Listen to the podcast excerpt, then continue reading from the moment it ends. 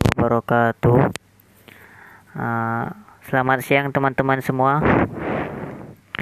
Di sini saya akan mem membahas sebuah kitab atau sebuah buku yang berjudul Usul Salasa.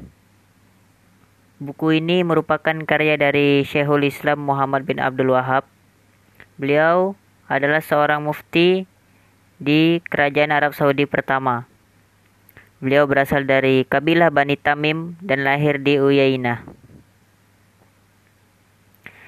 Beliau banyak menelaah buku yang ditulis oleh Imam Ibn Taimiyah dan muridnya Imam Ibn Qayyim Al-Jauziyah. Dan beliau mulai mendakwahkan tauhid dan dakwahnya didukung oleh keluarga kerajaan Bani Saud dan menjadi masyhur. Adapun karya-karyanya yang terkenal adalah kitab tauhid. Kitab ini sangat bagus untuk dibaca juga.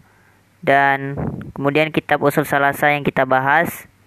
Kemudian Al-Qaid Al-Arbah dan kemudian kasus syubhat dan lain-lain. Dan sekarang kita bahas adalah kitab usul as-salasa. Adapun beliau menulis kitab ini yang berjudul Usul Salasa atau dalam bahasa Indonesianya tiga landasan utama karena tiga pertanyaan di alam kubur yaitu Man Robbuka siapa Tuhanmu, Madinuka apa agamamu, dan Man Nabiyuka siapa nabimu. Adapun tiga landasan utama itu adalah yang pertama mengenal Allah Ta'ala, yang kedua mengenal dinul Islam, yang ketiga mengenal Nabi Muhammad Sallallahu Alaihi Wasallam.